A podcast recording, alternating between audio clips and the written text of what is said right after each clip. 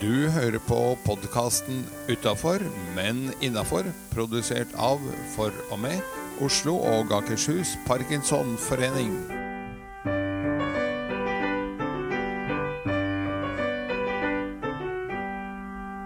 Hei, du hører nå på podkasten 'Utafor, men innafor'.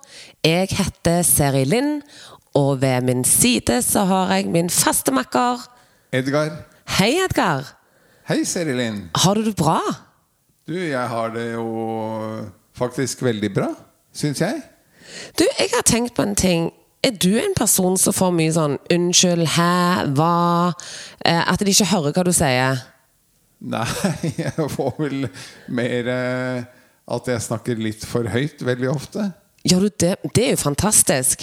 Men du, når jeg ser på deg nå, så er det fordi at du er så flink og har sånn god sittestilling? At du er liksom rak i kroppen og stemmen bærer fremover og hodet høyt hevet? Nei, jeg må vel innrømme at eh, jeg ikke er så bevisst som jeg burde være på det.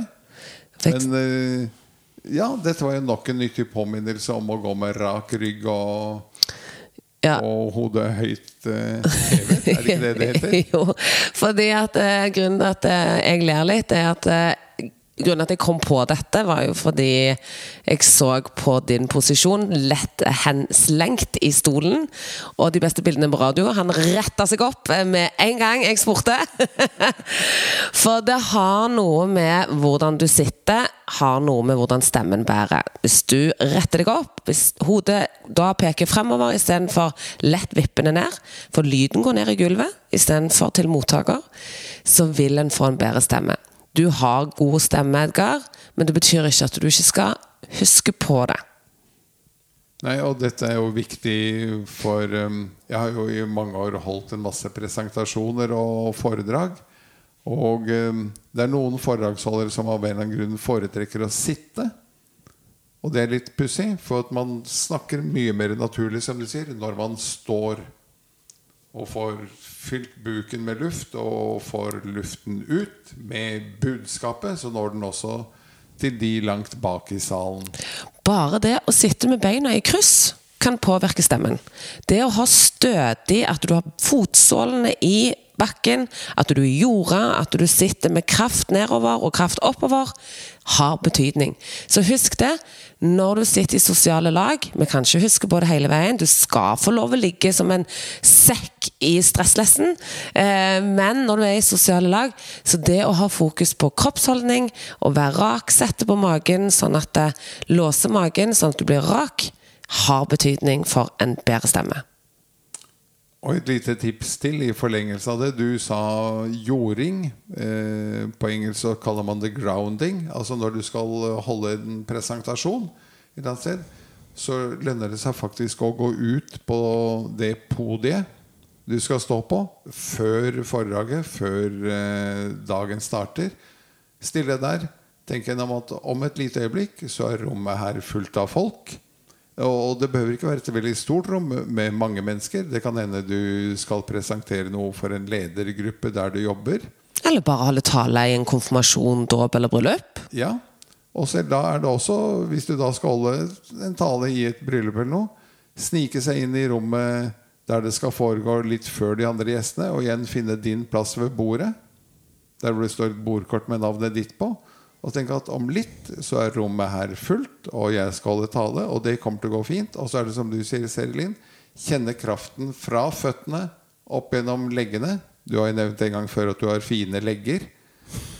Og så kjenner du kraften stråle oppover, helt opp til munnen, der hvor lyden kommer ut. Veldig bra. Og munnen, lyden kommer ut. Nå skal vi jo intervjue og ringe opp hvem? Audun Mysja, som eh, er lege og forfatter av et eh, tyvetalls eh, bøker. Og som bl.a. snakker om ungdomskilden. Og i likhet med Are Brean, som vi har hatt tidligere, så snakker også Audun om musikk og hjernen, og hvordan ting spiller sammen. Så han er en interessant fyr. Da syns jeg vi skal ringe han opp, jeg.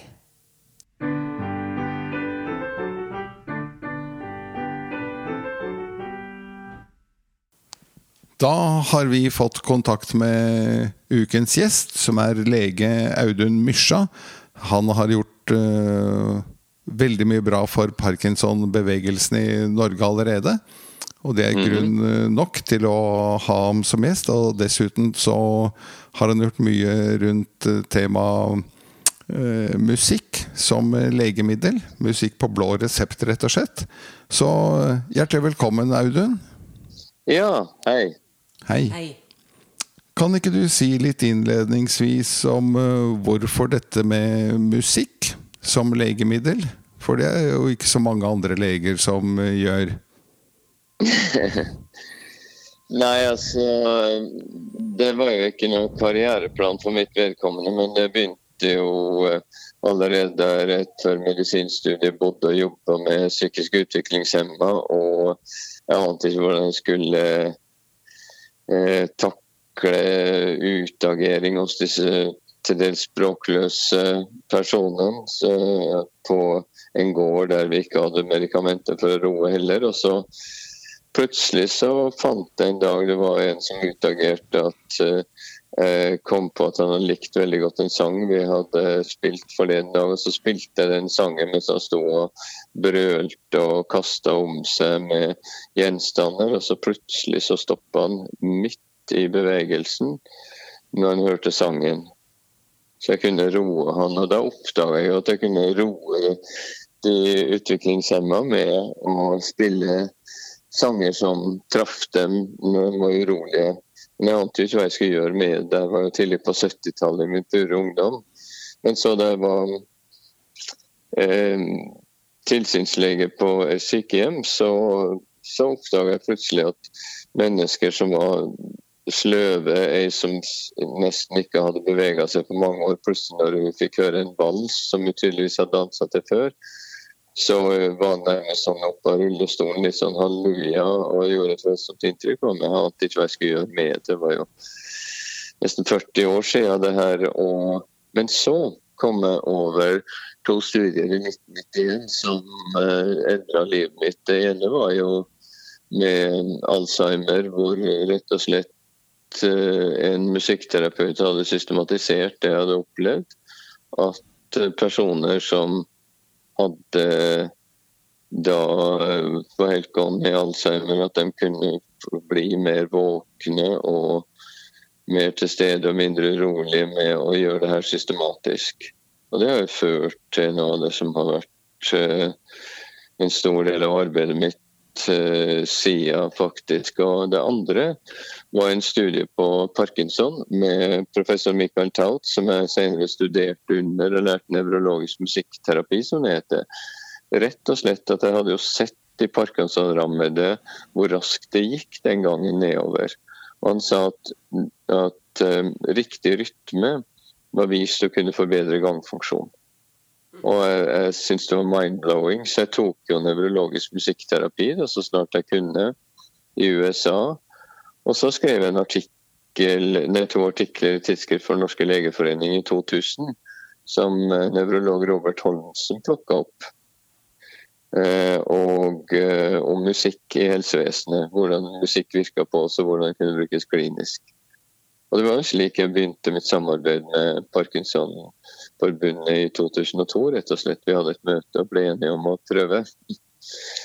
Så det Og The rest is history, som de sier.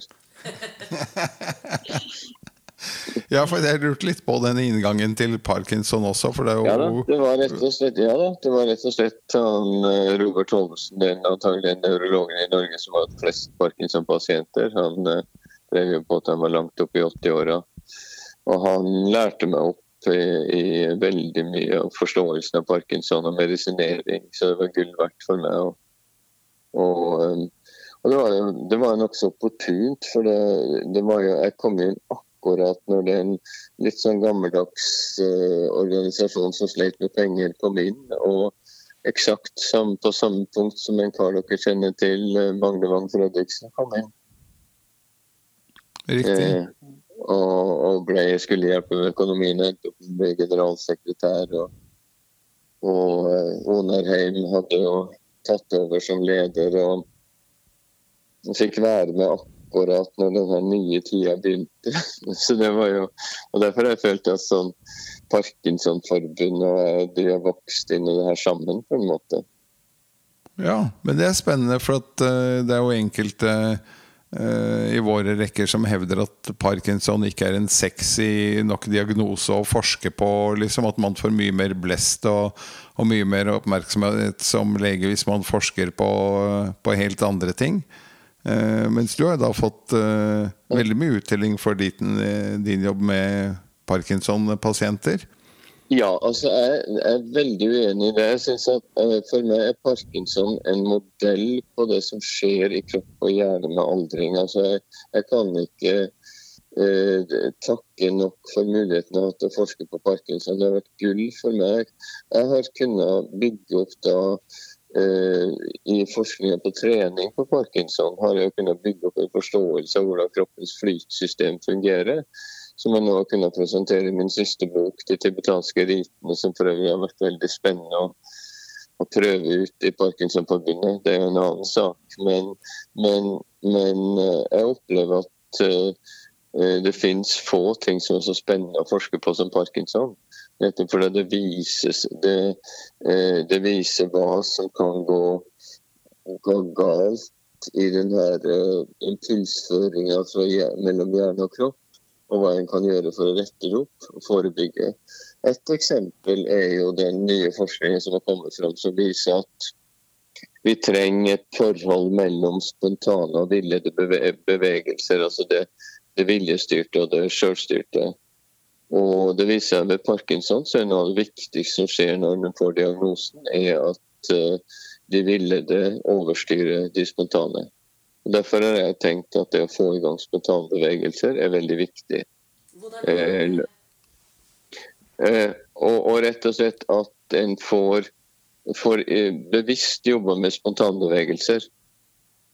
Altså bare la kroppen bevege seg spontant. Ja, Som etter dans eller musikk, da? Eh, det kan en gjøre, men også bare, bare helt fritt, eh, fri bevegelse. Trene opp folk til det.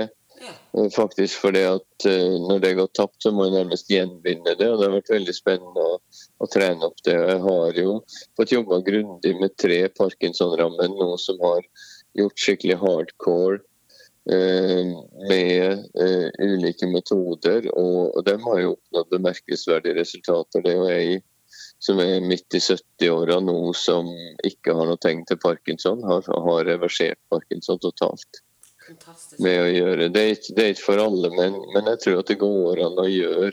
Jeg skal ikke lage noe, noe sånn uh, urealistiske forhåpninger, men jeg tror at det er mulig å gjøre mye mer enn vi får til i dag.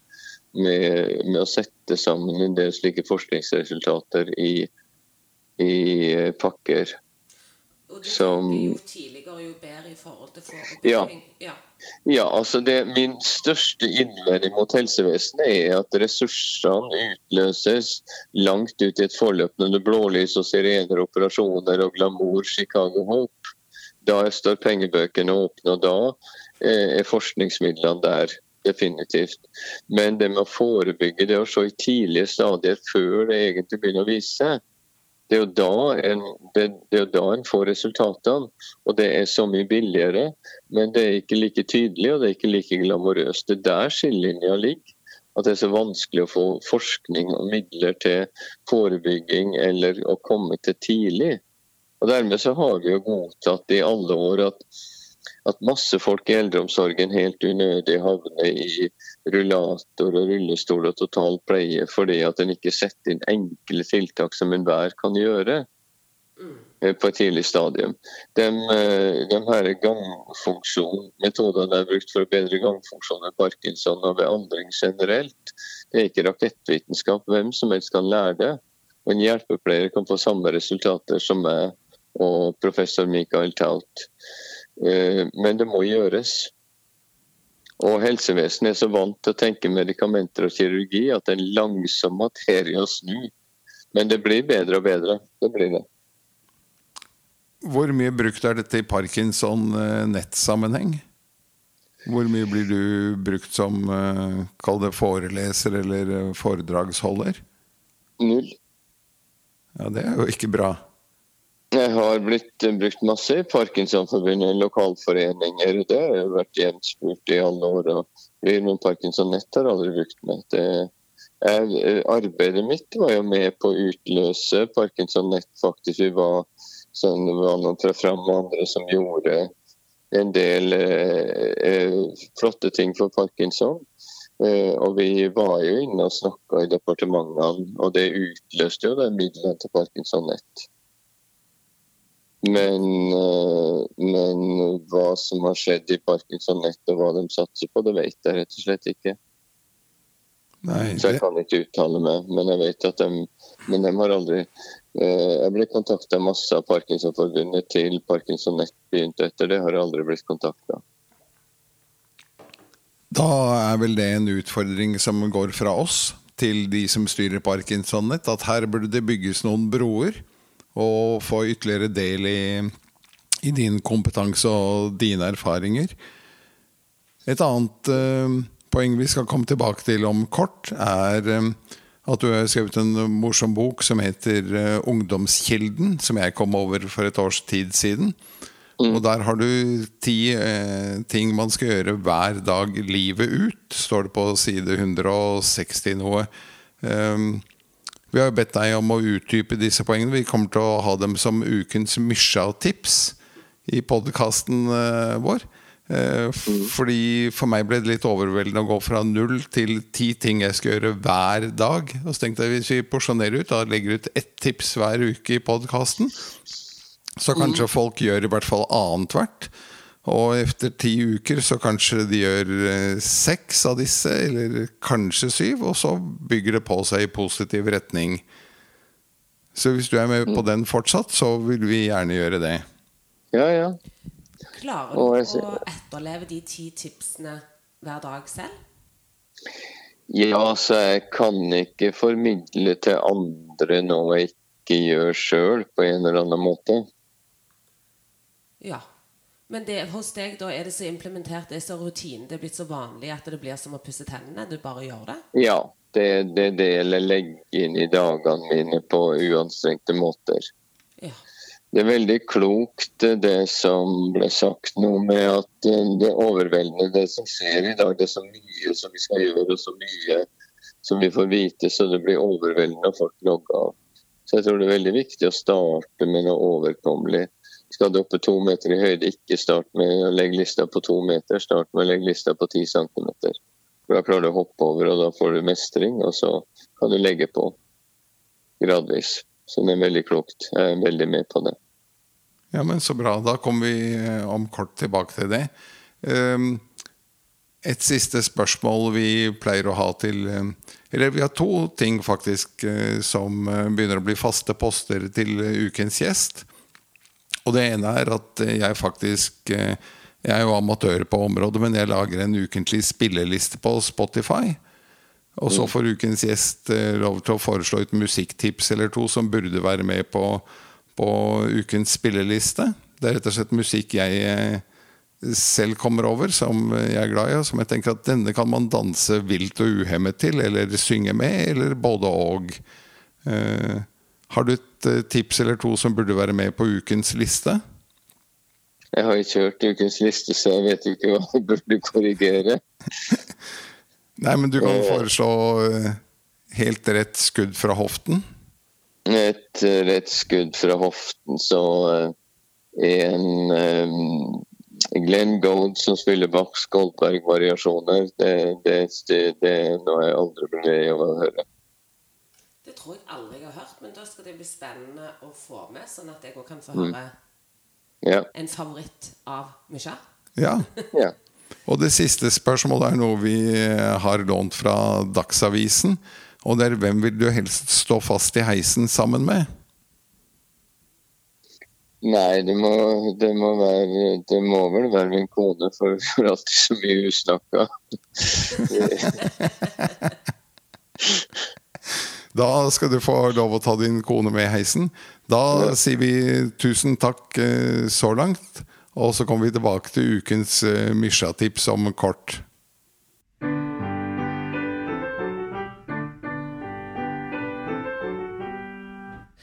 Da er vi kommet til spalten quiz eller fleip eller fakta. Og du skal utfordre meg, Edgar. Ja. Vi kan eh, varme opp litt med en sånn eh, hun, han eh, har parkinson-sak.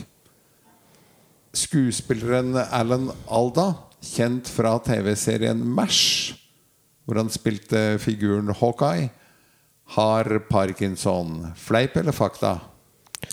Oi, jeg trodde jeg hadde en liten sånn oversikt, men eh, siden du spør Hvis du har tenkt ut dette sånn for gøy for å lure meg, så blir jeg så imponert. Så jeg sier fakta.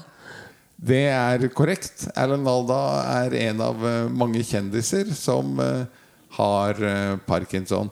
Og det er ikke akkurat eh, dette med kjendiser, ja, nei, det er mer for å vise at uh, det kan altså ramme høy og lav, og det gjør det jo også.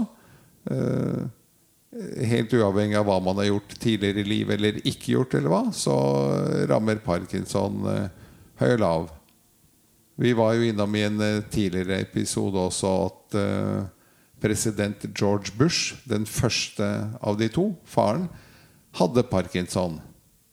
Så selv verdens mektigste mann kan få det.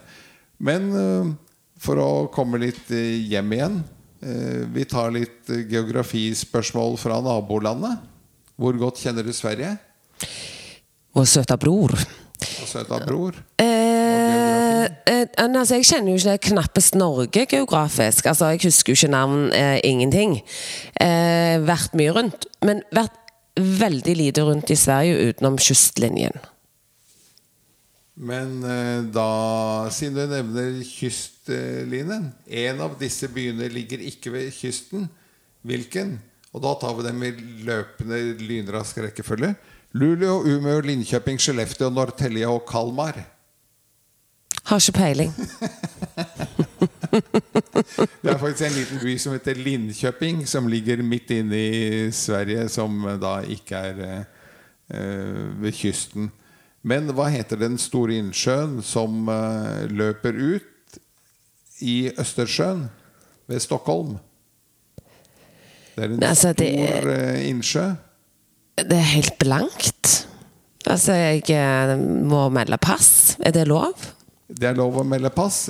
Riktig svar var for dere som sitter hjemme og lytter og tenker hva kunne det være? Mm, Er det Veneren? Er det Vetteren? Er det verken eller? For et svar var Mälaren.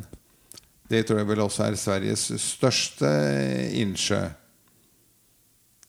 Og eh, denne burde ikke være så vanskelig. Stockholm og Göteborg er jo Sveriges to største byer. Hva heter den tredje største? Det tror jeg jeg kan. Å, det, ja, det tror jeg jeg kan. Jeg tror det er Malmö. Og det er helt riktig. Så det Der klarte jeg å glimte til. Ikke sant? Og hvilken elv er Sveriges lengste? Nei, lov å melde pass. Det er lov å melde pass på, på det nå. Det er Klaraelven, og hvis jeg ikke tar helt feil, så renner den bl.a. gjennom Karlstad, som bare er noen eh, få mil over grensen. Og hva heter det kjente svenske dansebandet som kommer fra Karlstad? Jeg vet i hvert fall om et svensk danseband, tror jeg. Og de heter Vikingene, så kanskje det kan være de? Eh, det var close, but no cigar. Hvis vi sier Sven Eh, Ingvars. Sven Yngvars. De har jeg hørt om. Ikke sant? De kom fra Karlstad. De kom fra Hvor Karlstad. Klaraelven renner gjennom. Så det er mange gode forbindelser her. Mange gode knagger å, å henge hatten på. Livredd jeg er akkurat nå, for du skal stille meg flere svenske spørsmål, så bare kaster vi oss inn i neste spalte. Sånn at vi blir ferdig med at jeg må melde pass. Så siste spalte, Edgar, det er eh, ukens utfordring. Og hvem er det som gir oss ukens utfordring? Det er eh, Audun Mysja som gir oss uh, ukens utfordring. Dette er jo nummer to i rekken av ti, som vi har gjort avtale om at vi sprer utover nå i, i podkastene våre. Så vi kan rett og slett eh, koble på og høre ukens utfordring. Men hvorfor er han nummer to når eh, han er den som begynte med dette eh, ukens utfordring? Fordi jeg hadde innbrudd hjemme, og der forsvant en Mac med lydkort hvor vi hadde disse tingene. Og det ene og det andre, og uten å se seg i bakspeilet så fryktelig mye. Jeg pleier ofte å si at bakspeilet er jo bitte lite, og der ser du bare det som har vært. Mens jeg foretrekker å se gjennom frontruten, som er stor og åpen, og der ligger mulighetene. Og der ligger også ukens utfordring fra Audun Mysja. Så bra. Så da skulle Audun ha vært publisert foran Det skulle han ha vært foran eh, Kari Brekke Arnesen. Eh, men vi putter ham inn her eh, og nå. Det blir litt om hverandre. Men det er også fint, for det har jeg lært av deg, at vi skal endre oss. Og vi skal finne på nye ting, og vi skal bytte om på søppelbøtter. Så nå har vi byttet om på to podkaster. Og i sum så lander vi helt fjellstøtt på bena. Tips nummer to lyder 'puste skikkelig'. Vær så god, Audun. Hva kan du si mer om eh, det? har tatt opp uh, litt om det i eh, første del av dialog med dere. Uh, det oppdaga jeg i arbeidet med parkinson, eller med pasienter overhodet, at pusten var noe av det mest neglisjerte området. Og um, pusten er eneste funksjonen i, kropp og sinn som vi kan velge om det skal være automatisk eller ubevisst eller bevisst. Og Den naturlige pusten hos parkinson blir prega av at nervesignalene ned til pustemusklene går litt langsommere, sånn at pusten blir svakere. Og eh, jeg kunne vise, når jeg testa eh, parkinson-grupper, eh, at utslagene var svakere enn hos normalbefolkninga. Så det del av en ond sirkel. Fordi at hjernen trenger masse oksygen, og hvis du puster for dårlig, så får du for lite oksygen ut til cellene. Og det har store konsekvenser f.eks. For, for hjernecellene. Det er dokumentert nå det siste året, det har skjedd i 20 år på sykehjem, at f.eks. en av direkte medvirkende utløsende faktorer til demens er dårlig pust. Og hva vil å puste skikkelig si? Det vil si at du bevisstgjør pusten. Du åpner, du vider ut Passer på at ikke du bare puster oppover og framme, men at du åpner Nå drifter du litt. Åpne, og ja, jeg illustrerer litt med kroppen, så nå, uh, nå er jeg her. Altså du, du åpner og vider ut i lungene, uh, og særlig ned mot bunnen av lungene, og vider ut mellomgulvet.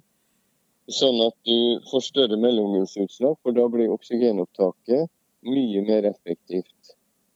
Eh, slik at du åpner eh, på innpust og slipper på utpust. Og Der kan du ta inn i det jeg har forklart for koherent pust, hvor du rett og slett også påvirker pustefrekvensen eh, til å bli langsommere. Nettopp fordi at ved parkinson har du en tendens til å få da mindre pustebevegelser og derfor flere pust i minuttet. Problemet med det er at du da aktiverer kroppens stressystem, så du blir i kronisk stress. Og hvis du da kommer ned på en pustefrekvens med rolig inn-utpust, vide ut på innpust og slipp på utpust, kommer ned på en frekvens ca. fem pust i minuttet. Det kan virke lite, men det er ganske lett å trene inn i min erfaring. Eh, det ligger på YouTube også på videoer hvor jeg viser. Eh, så eh, kan du Så aktiverer du det som kalles vagusnerven, som er ronerven i kroppen som gjør at du, du, roer ned. Flere som er fulgt i prosjektene mine, rapporterer at når de kommer ned akkurat i den frekvensen, så stopper skjelvingene. Folk som er plaga med skjelving. Så det, da, da, sprer det seg ro gjennom hele nervesystemet og muskulaturen i kroppen. Så Det er bare eh, to små eksempler på hva du kan gjøre med pusten. Men det viktigste er som sagt å bevisstgjøre måten du puster på. Boka pust er lettlest og for alle.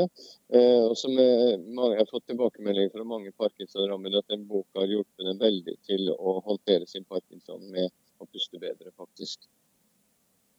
Det var jo fabelaktig mange gode grunner til å gjøre noe med pusten. Da sier vi takk for uh, Mysja-tips uh, nummer to.